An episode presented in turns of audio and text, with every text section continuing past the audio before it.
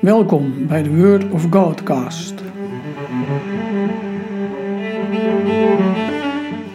Mijn naam is Wim van Wijk. In deze podcast hoor je elke aflevering een meditatie over een Bijbeltekst, afsluitend met een kort gebed. Vandaag over God spreekt ons aan in zijn zoon. Als iemand jou iets vertelt, dan kun je daar op minstens twee manieren op reageren. Kunt aandacht geven, goed proberen te luisteren, ook als het jou niet zo heel erg interesseert. Maar je kunt ook de ander maar laten praten. Je hoort wel met je oren, maar het gaat het ene oor in en het andere oor uit. Hoe luister jij naar Gods woord? Laat jij je aanspreken? In Hebreeën 1 vers 2 lezen we maar nu de tijd ten einde loopt, heeft Hij tot ons gesproken door Zijn Zoon.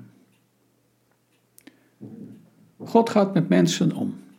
Hij laat zich zien, hij laat van zich horen en dat doet hij op talloze manieren. God spreekt mensen aan. Denk maar aan de eerste twee mensen. Hij roept hen. Hij zegt: Mens, waar ben je?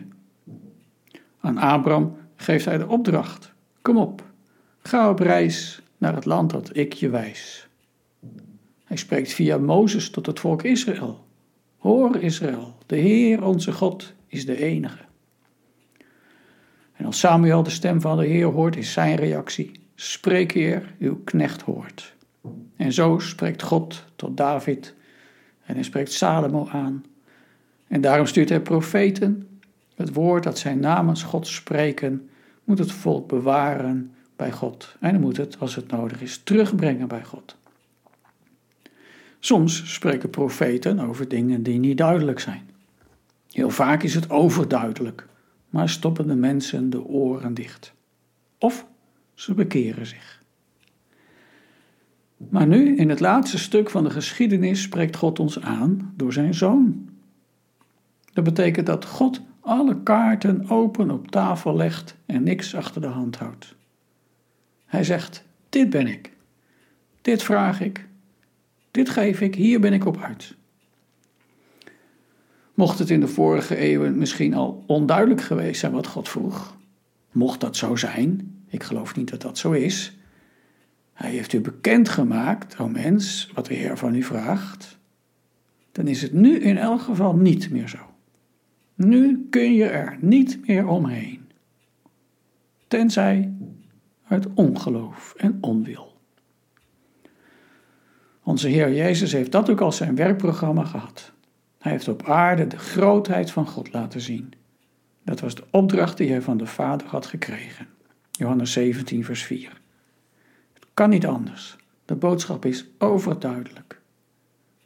En dat onderstreept nu ook de ernst. Het oude verbond was ernstig en streng, maar het nieuwe is niet gemakkelijk en licht. Misschien is het wel strenger geworden. In hoofdstuk 12 lezen we: Let op dat u hem die spreekt niet afwijst. Want als zij al niet ontkomen zijn, het volk Israël, toen ze degene afwezen die hem op aarde onderrichtte, bedoeld is Mozes, dan kunnen wij, wanneer wij ons afkeren van degene die dat vanuit de hemel doet, dat is Jezus, helemaal niet ontkomen.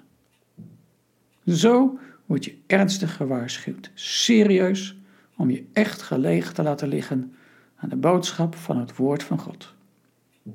Als je wil weten wie God is, als je wil weten wat Hij van je wil, als Hij wil weten wat Hij jou wil geven, kijk en luister en geloof met heel je hart in Jezus Christus.